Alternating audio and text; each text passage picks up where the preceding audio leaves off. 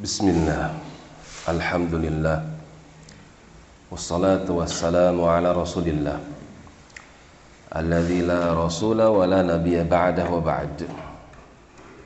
Kembali kita melanjutkan tafsir Pelajaran tafsir Sampai kepada surah Ash-Shu'ara Sampai pada firman Allah Ta'ala Tentang Al-Quran Al-Karim. Faqad kazzabu Ayat ini turun di Makkiyah. Turun di Mekah sebelum peristiwa hijrah disebut Makkiyah. Maka konteks kalimat faqad kadzabu maka mereka telah mendustakan. Mereka di sini kaum musyrikin. Abu Jahal dan yang semisal dengannya. Mereka telah mendustakan Quran. Quran itu ucapan Muhammad sallallahu alaihi wasallam ucapan seorang penyair. Omong kosong. Fasayatihim. Kelak akan datang kepada mereka. Amba'u. Berita-berita yang disebutkan oleh Al-Quran. Bahwasanya berita tersebut hak.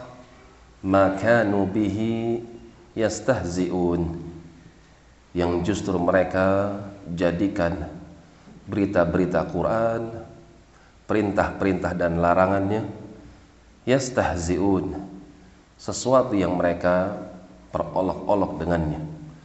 Jadi bahan candaan. Ayat ini turun di Mekah sehingga belum ada peristiwa jihad. Allah Subhanahu wa taala tunjukkan kebenaran Al-Qur'an ketika peristiwa Badar mereka dikalahkan. Belum lagi berita-berita tentang sains bahwasanya telapak jari tangan manusia itu berbeda-beda.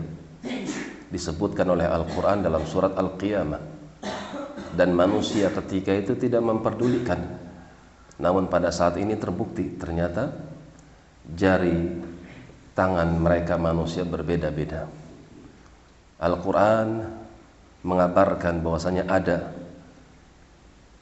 di sebuah laut di mana bertemunya air yang tawar dengan air yang asin.